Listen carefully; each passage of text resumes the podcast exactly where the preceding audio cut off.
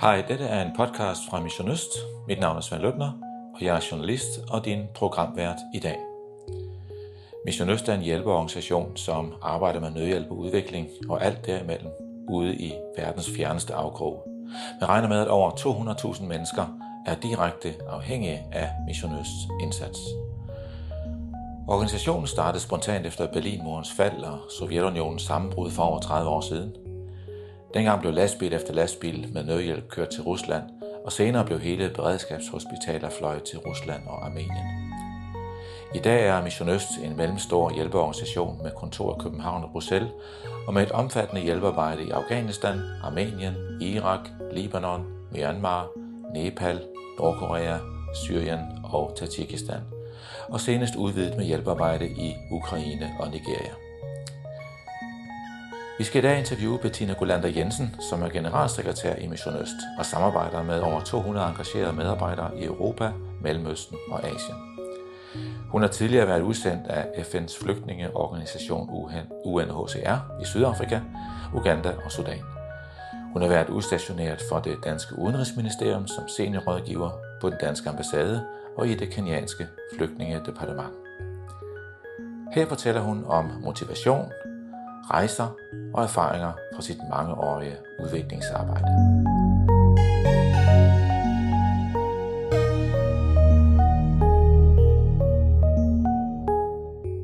Tak fordi jeg må komme her, Bettina Rolander Jensen, på dit kontor her i Mission Øst i Hellerup.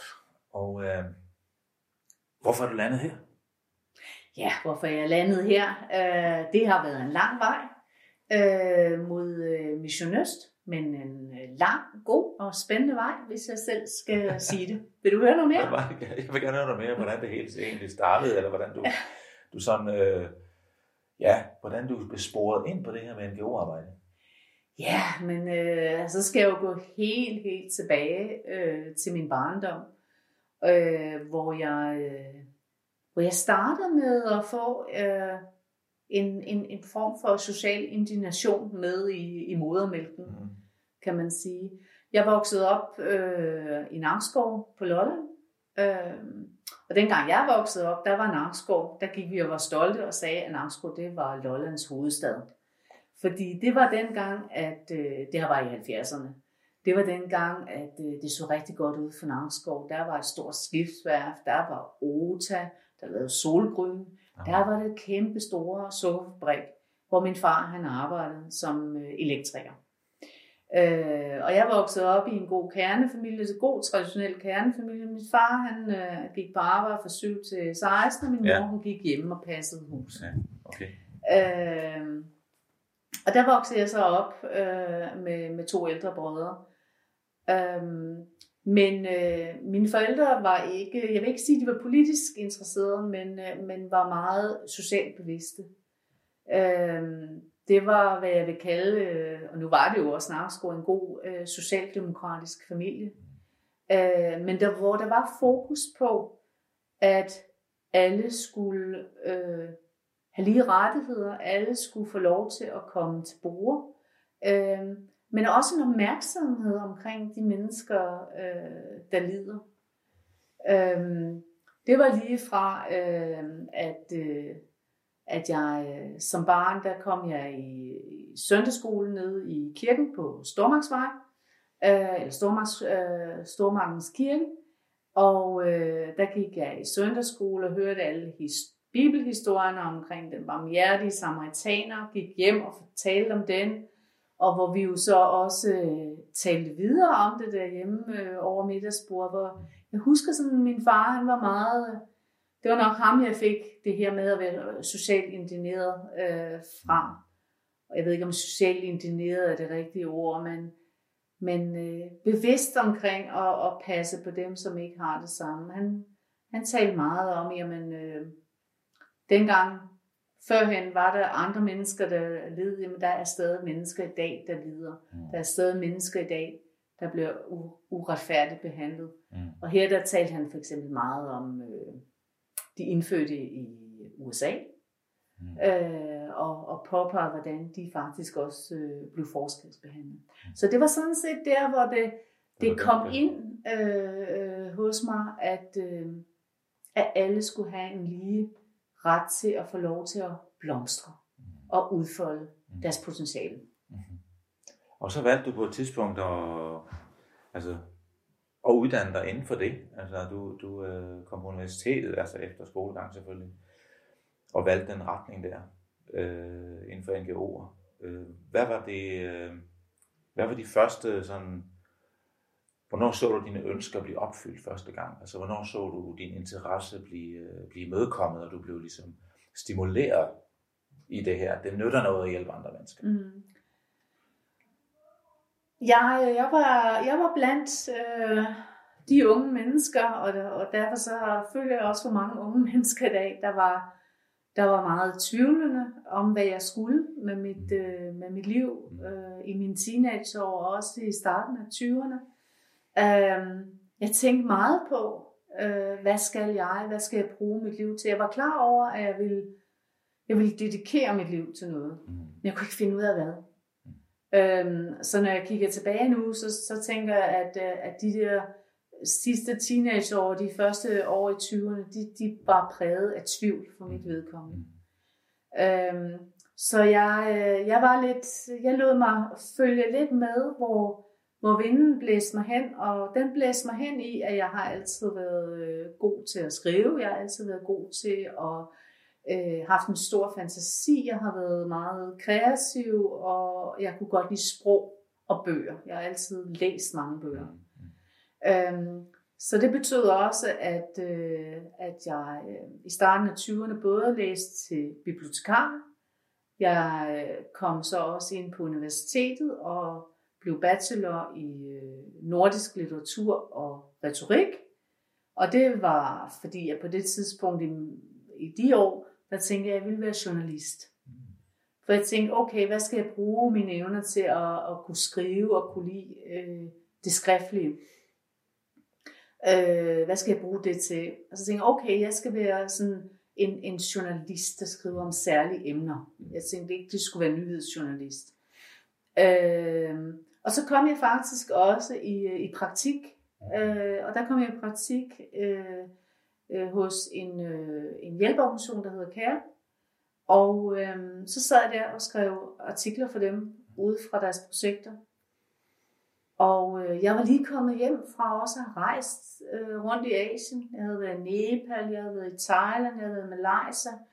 Og øh, hvor jeg faktisk også havde været på nogle øh, handicap øh, øh, institutioner og havde hjulpet til som frivillig. Mm. Så allerede der havde jeg fået lidt smag for øh, det at være i udlandet. Men så sad jeg der og skrev nogle artikler også om deres projekter. Og pludselig gik det op for mig, at jeg tænkte, ej, jeg skal ikke vige mit liv til at skrive og være journalist. Jeg skal over og begynde at lave projekter og være, lave de håndgribelige projekter, mm. sådan så jeg er med direkte til at hjælpe folk. Jeg skal ikke bare skrive om det, men jeg skal have fingrene helt nede i det. Og så valgte jeg at, at tage en ekstra uddannelse oveni, mm. og fik en, øh, en, en kandidatgrad, en magistergrad i uh, internationale udviklingsstudier og uh, socialvidenskab. Mm.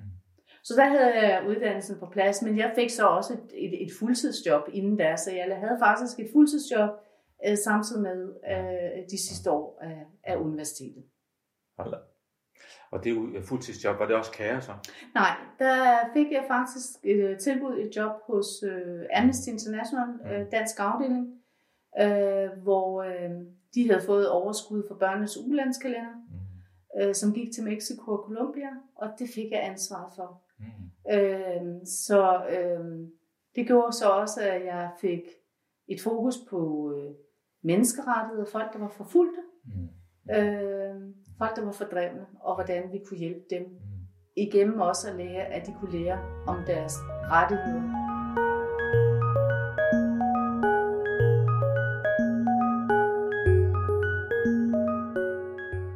Lad os springe op til i dag, fordi øh, det var ikke bare dengang, du rejste rundt. Nu har du lige været, i et år har du bare været både i Ukraine og Nigeria, og du har tidligere været i Irak, og du har været i Tajikistan, du har været i Armenien, mange af de her arbejdslande, som Mission Øst jo arbejder i, med netop det, som du siger, fordrevne, flygtninge, personer med handicap osv., nogle af de samme områder. Hvad øh, kan du fortælle dig, hvad, ja, bare fortæl lidt fra din sidste rejse i Ukraine for eksempel. Hvad var det, hvad var det der ligesom gjorde størst indtryk på dig der? Det, der gjorde størst indtryk på mig, det var, at øh, her der taler vi om en, en konventionel krig. Det her, det er en rigtig traditionel krig, hvor to lande er i krig. Og nu ved jeg godt, at Rusland formelt ikke har erklæret krig. Øh, men, mm. men det er jo alligevel sådan, fordi de bruger moderne våben. Normalt, øh, der hvor vi arbejder i, i mere fattige og udsatte lande, der er det det, jeg vil kalde guerillakrig. Hvor der er oprørsstyrker, mm. der prøver at, at vælte regeringen eller øh, indgyde terror mm. i befolkningen. Mm. Det er ikke det, der er tale om her. Her er der tale om en overtagelse af territorium, en besættelse af et territorium, og hvor man bruger moderne våben og moderne krigsførsel. Øh, så det var anderledes. Øh, lige fra øh, grænsen mellem Polen og Ukraine på vej ind i Ukraine, hvor vi måtte udskifte vores SIM-kort og skulle have et andet ukrainsk SIM-kort ind, så russerne ikke kunne spore udenlandske SIM-kort, mm. til øh, alarmer, øh, når russiske raketter øh, blev fyret afsted. Det havde man på en app, så gik den i gang. Øh, når russerne havde affyret raketter, der havde retning mod, hvor man var.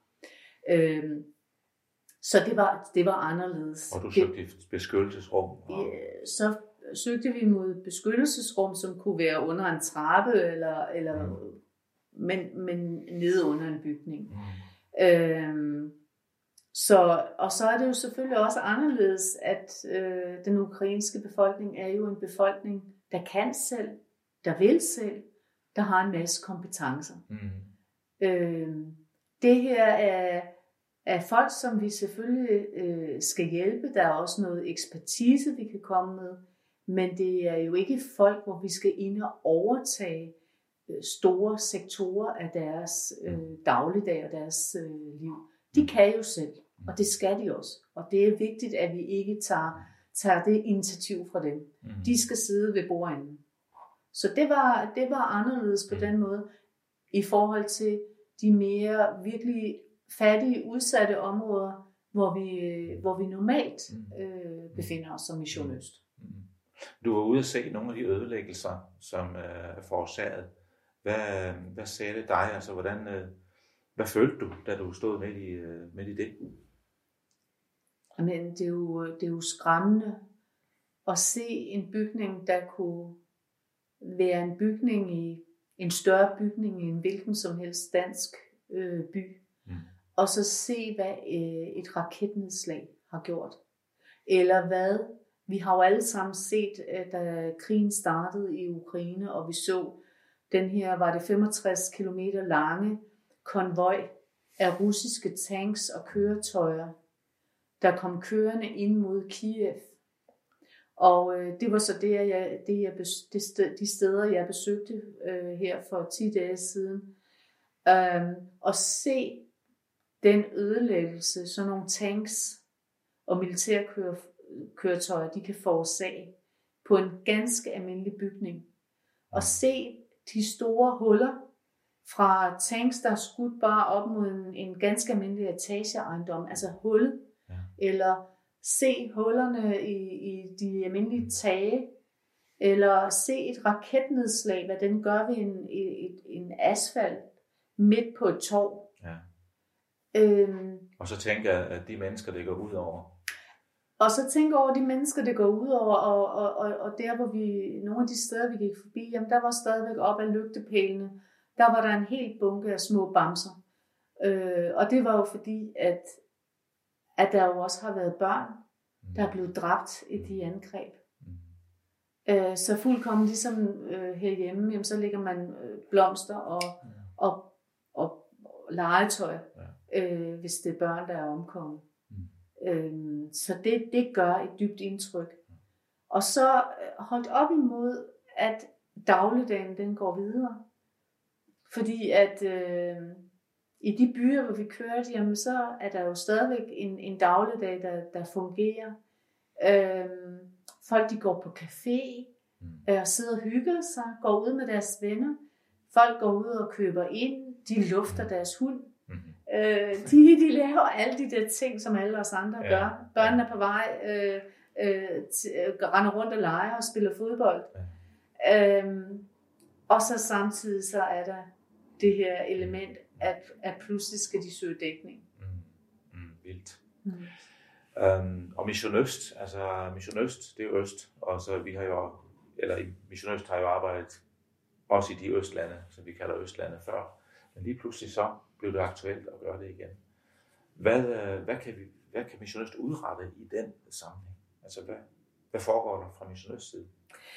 Missionist øh, har jo øh, en særlig ekspertise inden for at nå de mest sårbare mennesker, og det er det, vi fortsætter med at gøre. Øh, men vi øh, i Ukraine laver vi faktisk rigtig, rigtig mange ting. Øh, mange, og, og vi når rigtig mange mennesker på bare det for, de første seks måneder, der nåede vi over 100.000 mennesker, vi hjalp på den ene eller anden måde. Og øh, alt afhængig af, hvor i landet det er, og det er jo også det, der gør det så komplekst. Øh, Ukraine er jo mange gange større end Danmark. Øh, der øh, i nogle områder af Ukraine og nordpå, øh, der, der var, hvor der var besat af russerne, jamen der er rigtig stor ødelæggelse. Der er nogle af byerne, som for eksempel Butcha, som vi har set meget i, i medierne, der hjælper vi i nabobyen øh, som er lige så ødelagt. Øh, 70 procent af byen er ødelagt. Mm. Der går vi ind, fordi vi ved, at vinteren den snart kommer. Der går vi ind og, og sikrer, at vinduer, der er blevet smadret, at tage, øh, der er blevet ødelagt af raketnedslag eller tanks, at de bliver repareret. Mm. Men vi kigger også på, øh, om de kan få varme. Øh, stort problem er jo, at vi regner med, at, at, at det vil blive øh, svært at få gas. Vi ved heller ikke, om elektriciteten vil være der. Øh, men mange steder i Ukraine, der har de faktisk nogle gammeldags øh, brændeovne, hvor der ligesom løber, øh, sådan nærmest ligesom, det er ikke bare en skorsten, der går lige op, men den minder faktisk lidt om de der svenske, øh, finske ovne, hvor det ligesom øh, skorstenen ligesom går som en slange op, sådan så varmen faktisk bliver mere fordelt, nærmest som en radiator. Mm. Men det er sådan, den er bygget øh, ovnen, og der går vi ind og renser de her ovne. Så der skal ikke ret meget, nogle gange skal der ikke ret meget til. Vi hjælper dem simpelthen med at få renset de her ovne, sådan så de kan fyre med branden. Og så kan man selvfølgelig sige, så går de ud af fælles skov. Og ja, det gør de. Og det, øh, det er rigtig trist. Mm. Vi har heldigvis meget skov i Ukraine, men vi må også se i øjnene, at det her det kommer nok til at koste noget skov. Fordi øh, de bliver nødt til at holde sig varme til vinter. Øh, vinteren den bliver bidende kold i Ukraine. Den starter allerede i oktober måned med at blive rigtig alvorligt koldt. Mm. Mm. Og så er det, at du har, det er Ukraine, det er Europa, det er folk, der, som du sagde i starten, folk, der kan, øh, kan mig selv. Men så har du også været i i lande, hvor man kan sige, hvor de slet ikke, altså, hvor, altså, og der, der har du nævnt Ukra- øh, Nigeria, øh, Nord-Nigeria. Og der var du, det er jo heller ikke så længe siden, du var derude og, og, og tilse arbejdet. Hvad, kunne du fortælle lidt om det? Hvad, hvad, hvordan var det at være i den, den by i det nordlige Nigeria, hvor I var? Ja, det er jo så den dimensionale modsætning, kan man mm. sige. Um, at komme til Nigeria, som er så kontrastfyldt. Det er et land, der absolut ikke er homogent. Øh, der er områder, der er rigt. De tjener øh, mange penge, så på overfladen er det et rigt land. Men så er der del af landet, som for eksempel den nordøstlige del af, af hvad hedder det, Nigeria, øh, som er 3,5 gange større end Danmark. Øh, der øh, står vi faktisk med en af de, hvad FN kalder et globalt humanitært krise-hotspot. Øh, og det er simpelthen fordi, det bliver ikke værre end det område. Øh, I det område, der har regeringen ikke formået at have total kontrol over landområdet. En stor del af området øh, er faktisk øh, kontrolleret af øh, islam, islamisk stat, øh, eller den gruppe, der hedder Boko Haram, som, øh, som oversat til dansk betyder øh, nej tak til vestlig uddannelse. Og det siger jo næsten alt. Nej til vestlig uddannelse. Mm. Boko Haram. Øhm, og de, øh, de går ind og øh, terroriserer øh, lokalbefolkningen. Mm. Og øh, i det område, der har de drevet 2 millioner mennesker. Alene bare det område, 2 millioner mennesker har de drevet på flugt. Og de mennesker, de kommer så ind til de små landsbyer eller byer, byer, der måske har været halvanden hundredtusind mennesker, der kommer de til. Og det eneste regeringen og militæret har formået at gøre for at beskytte det her område, det er, at de har gravet en voldgrav rundt om byen. Øh, de har så ikke fyldt vand i, men de har bygget sådan en voldgrav hele rundt om byen, sådan så de kan kontrollere lidt bedre, hvem der kommer ind. Så er det ligesom lige nogle, en enkelt port, hvor man kan komme ind, hvor de kontrollerer alle med sådan en sikkerhedscheckpost. Mm. Der sidder folk så nu i lejre tæt sammen. Øh, men det betyder også, at folk ikke kan gå ud og dyrke deres jord, for de kan ikke komme uden for den her voldgrav. Fordi så risikerer de at blive slået ihjel og lemlæstet af de her Boko Haram. For at komme til de her byer, som, øh, som de kalder garnitionsbyer, mm. øh, så kan man ikke køre dertil. Vi kan ikke engang flyve dertil med en almindelig helikopter, fordi, eller med en almindelig flyvemaskine, fordi så vil vi risikere, at flyvemaskinen vil blive skudt ned af Boko Haram. Så den eneste måde, vi kan komme ind, det er ved at flyve helikopter.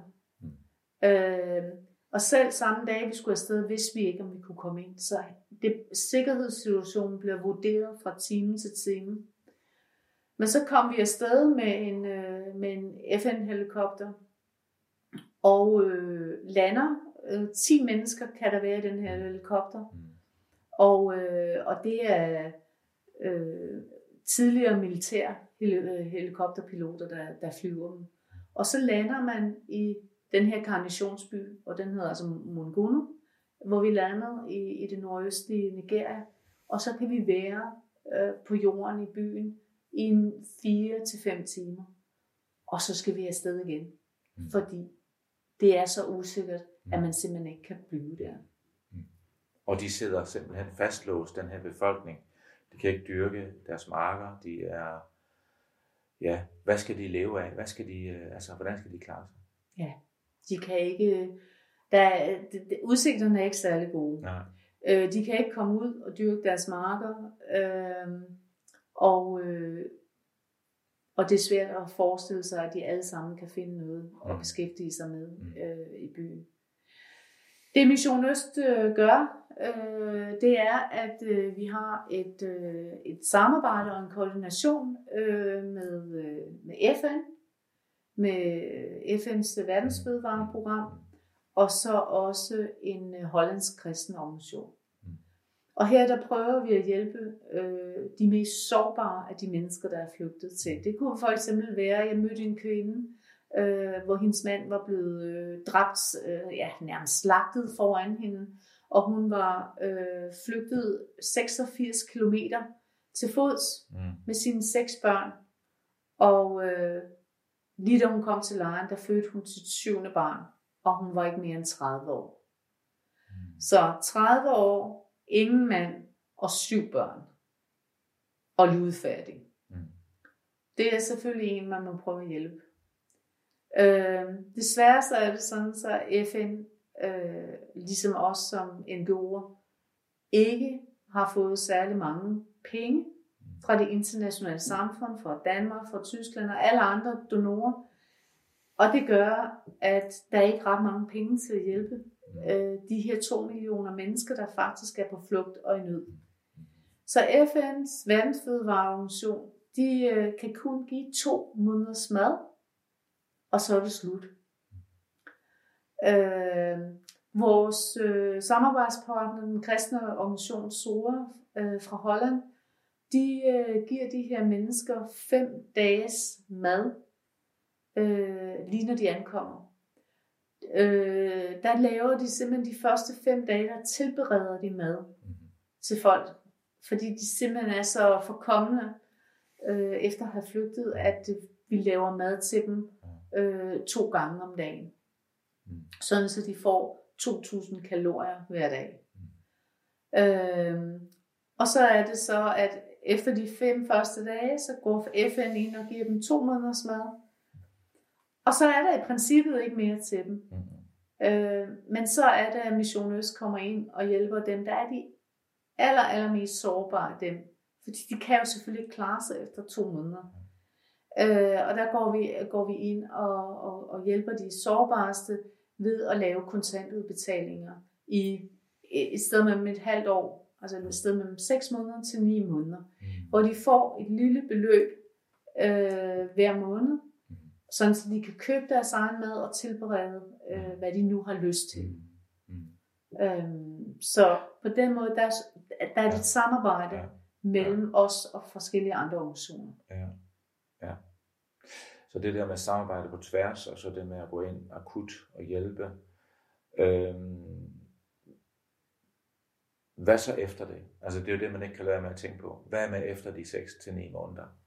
Ja, det er, jo, det er jo grusomt at tænke på, også fordi ja. at de her mennesker er jo de her mennesker er jo ikke mennesker, der, der selv har særlig mange ressourcer. Mm. Øh, vi skal huske på, at de fleste af dem, især øh, kvinderne og pigerne, har aldrig gået i skole. Øh, og øh, jeg må sige, at noget af det, som virkelig forundrer mig, og som jeg har set få andre steder, jeg har igennem mit arbejdsliv mødt mange, der ikke kan læse og skrive, men jeg har sjældent mødt nogen, der ikke kunne regne. Mm. Øh, og her der, i, i det nordlige i Nigeria, der mødte jeg mange kvinder og piger, der simpelthen ikke kunne regne. Mm. Og så er det, man kan tænke, jamen hvordan har du nogensinde en chance for at overleve, mm. hvis du ikke engang kan tælle mm. de penge, du for eksempel får retur, hvis du har købt noget. Mm. Hvordan kan du nogensinde måske starte en lille forretning med at lave noget, mm. hvis du ikke kan tælle? Øh, så øh, noget af det, vi gør igen for nogle af de aller, aller svageste, efter at de har fået øh, den her kontantudbetaling, det er at invitere nogle af dem ind og lære øh, et lille øh, håndværk. Øh, ah, håndværk er måske for meget sagt, men at lære at træne dem i, hvordan de for eksempel kan holde høns, holde geder, mm. øh, hvordan de kan dyrke deres køkkenhave, sådan så de på en eller anden måde kan få et supplement mm. til slet ikke at have noget som ja. helst. Ja. Ja. Samtidig så lærer vi dem også om, hvordan de holder deres hygiejne. Mm. Vi lærer dem om, hvor vigtigt det er, at øh, de ammer deres børn. Mm. Fordi oven i alt det her, som jo er forfærdeligt tragisk, jamen så øh, gør de det jo heller ikke nemmere for dem selv, fordi der er en tradition for ikke at amme deres børn. Og hvis man kan sige, at der er noget, der er fantastisk ved naturen, så er det jo, at øh, den har udstyret kvinderne med, at man rent faktisk øh, kan give sit barn, nyfødte barn mad øh, i en, op til en 6 måneders tid. Øh, ganske gratis og super, super sundt. Mm. Øh, så det er noget af det, de lærer. Ja. At øh, i stedet for at begynde at gå ud og købe tørmælk, der skal blandes op med måske forurenet vand mm. til at, øh, at give flaskemælk mm. til deres børn, så skal de øh, amme dem. Mm. Selvom at det i deres kultur faktisk ikke er tradition for det, og på en eller anden plan øh, tabubelagt. Ja.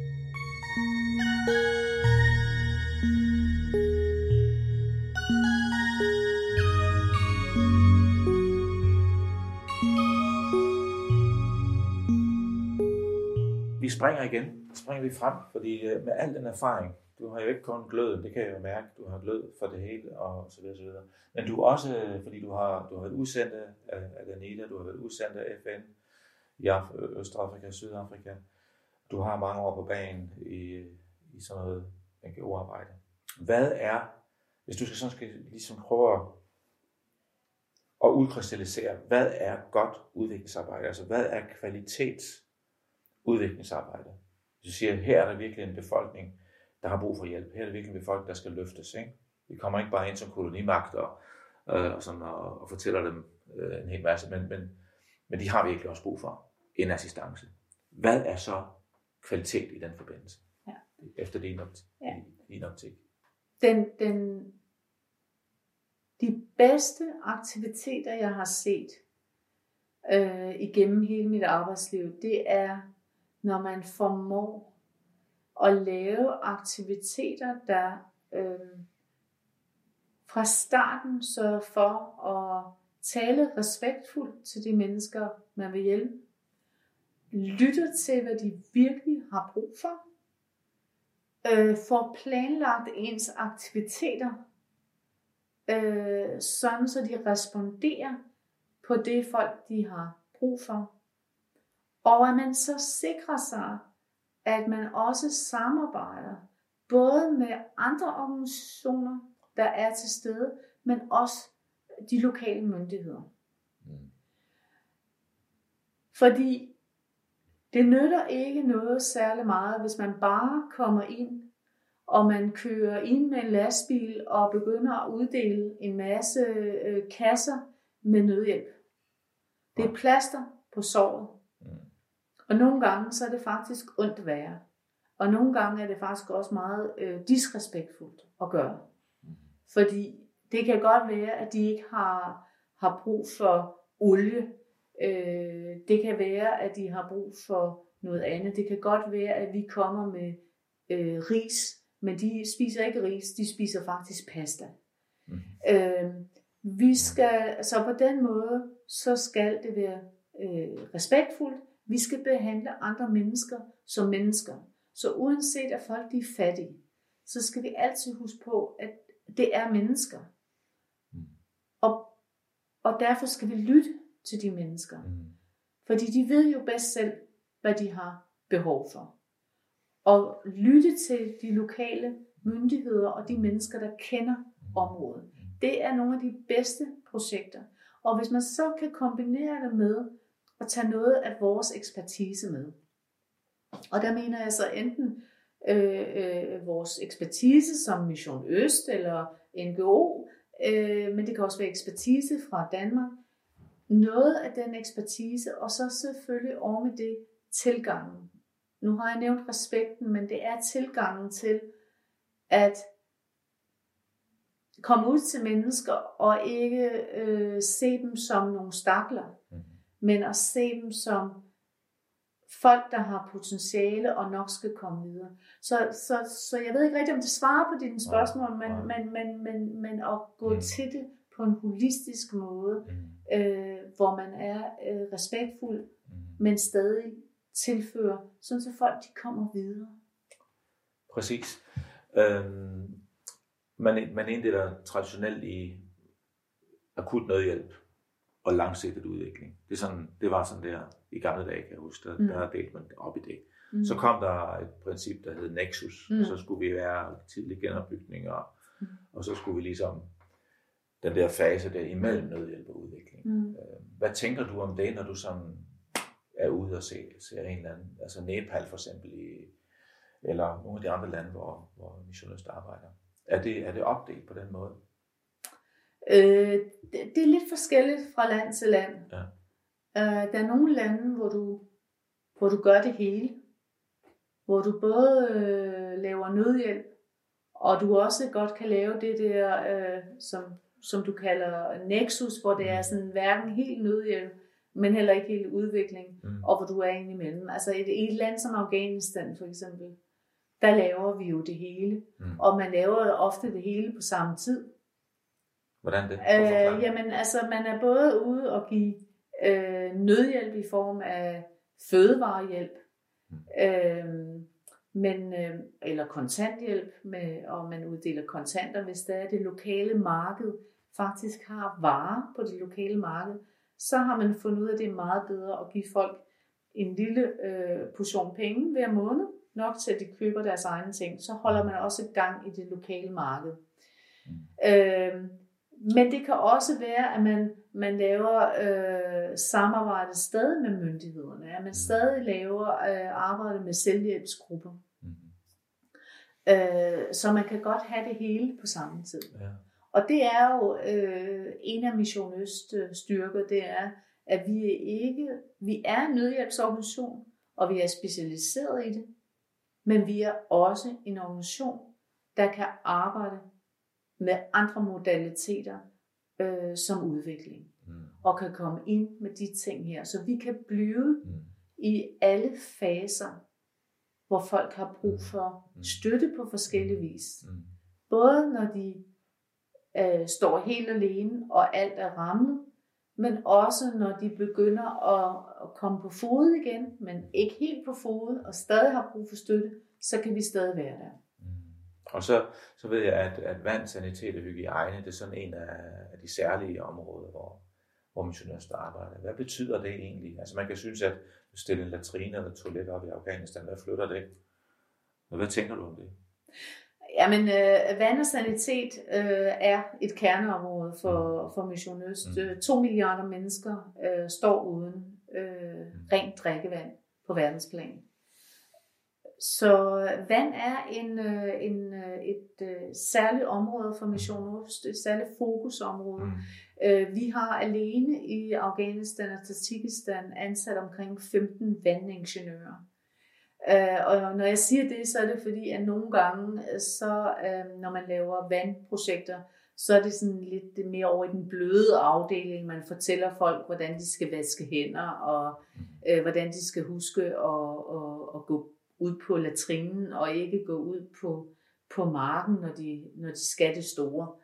Øh, men øh, Mission Øst, vi kan øh, ingeniørarbejdet bag at lave ordentlig vandforsyning. Øh, så vi kan både, man kan sige, både det hårde og det bløde øh, arbejde inden for, for vandsektoren. Altså vandsystemer, noget med at få rør, rørføringer ind og Ja, så for at give dig et eksempel, øh, da jeg var i Tajikistan øh, sidste år, jamen så øh, sidder vores vandingeniører igen sammen med de lokale myndigheder med øh, store planer øh, og, øh, og laver tegninger, øh, hvor øh, de også kan lave øh, analyser af, hvordan øh, vandet skal løbe, hvor rørledningerne skal ligge. Øhm, og så øh, et sted, jeg var ude at se i Tajikistan, der havde vi lagt 14 km rørledning, hvoraf 2 km af dem var oppe i luften, fordi at vandkilden var oppe i bjerget. Så den skulle føres ned 2 km, og så de resterende 12 km, der skulle vandrørledningen øh, lægges ud. Ja, ja. Og det gjorde vi så i samarbejde med den lokale, øh, øh, lokale myndigheder, men også øh, den lokale befolkning. Fordi det var ikke os, der bare kom ind med vores øh, øh store gravko og lavede render øh, med rendegraveren. Nej, vi øh, øh, sagde til øh, den lokale befolkning, hvis I gerne vil have rent vand, så må I også give noget til gengæld. I bliver nødt til at grave renderne, der skal være øh, en halv meter dybe. Ja. Så der gik øh, befolkningen øh, sammen Ja. selv, og jeg synes, det var sådan et, et, et, et smukt eksempel på, at øh, vi kommer ind med noget ekspertise, vi giver noget, mm. men der er noget for noget. Ja. Øhm, så der lavede vi simpelthen en aftale, som vi skrev under på, sammen med den lokale landsbychef, Ja. om at øh, de ville lave øh, gravrenderne, og vi ville komme med øh, Mm. udstyret. Mm. Fantastisk, så kan man også sige, at der kommer ejerskab, så har, føler man ansvar for, for tingene. Bestemt. Til sidst, hvis vi nu skal kigge fremad i krystalkuglen, hvor, hvor vil der være brug for Mission Øst næste år, i fremtiden, de næste fem år? Hvor ser du vores ekspertise særligt kan blive brugt? Nu skal man jo passe på med at spå i, øh, i den her branche. Øh, der var nok ikke nogen, der havde troet, at Ukraine ville have været et øh, land, vi ville have arbejdet i, hvis vi havde fra 12 måneder siden. Men øh, kigger vi øh, 12 måneder frem, jamen, så er der ingen tvivl om, at Mission Øst bliver ved med at være i Ukraine. Øh, det giver mening. Mm. Øh, vi gør en forskel. Som sagt, vi har hjulpet over 100.000 mm. mm. mennesker det første halve år, mm. og det fortsætter vi med og vil gøre. Øhm, men udover at være i Ukraine og hjælpe med genopbygningen, især omkring Mykolaiv, som er den øh, by, som Danmark øh, har valgt at vil øh, hjælpe med at genopbygge, jamen så glemmer vi jo ikke andre mm. nødlidende. Og, øh, og der har vi jo øh, et stort program i Afghanistan. Og der må vi sikre, at øh, de især kvinder og piger, der sidder i Afghanistan, og som nu ikke længere må få uddannelse, når de er over 12 år, mm. der må vi sikre, at vi ikke glemmer dem. Mm. At øh, vi sikrer, at, øh, at de kan komme og være med i vores selvhjælpsgrupper og kan få lov til at, at få en mulighed for at ernære dem selv og hjælpe deres familie, sådan så de kan få et værdigt liv.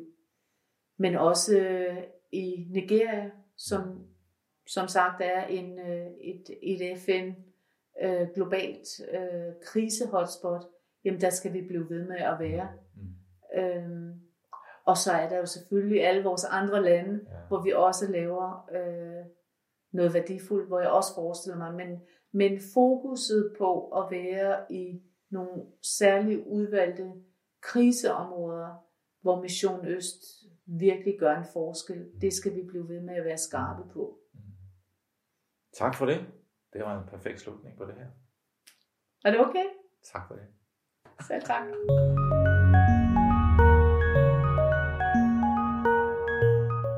Tak til Bettina Golander Jensen for at dele sine oplevelser, erfaringer og ekspertise. Har du lyst til at vide mere om Mission Østs hjælpearbejde i hele 11 lande mod øst og syd, ja, så klik ind på vores hjemmeside www.missioneast.org www.missioneast.org missioneast.org. Du kan også følge os på sociale medier, f.eks. Facebook og Twitter. Blot søg på Mission Øst og giv os et like, så er du med. Så siger vi tak for denne gang og ønsker dig alt godt, dig som lytter. Mit navn er Svend Løbner, og jeg siger tak, fordi du lyttede med.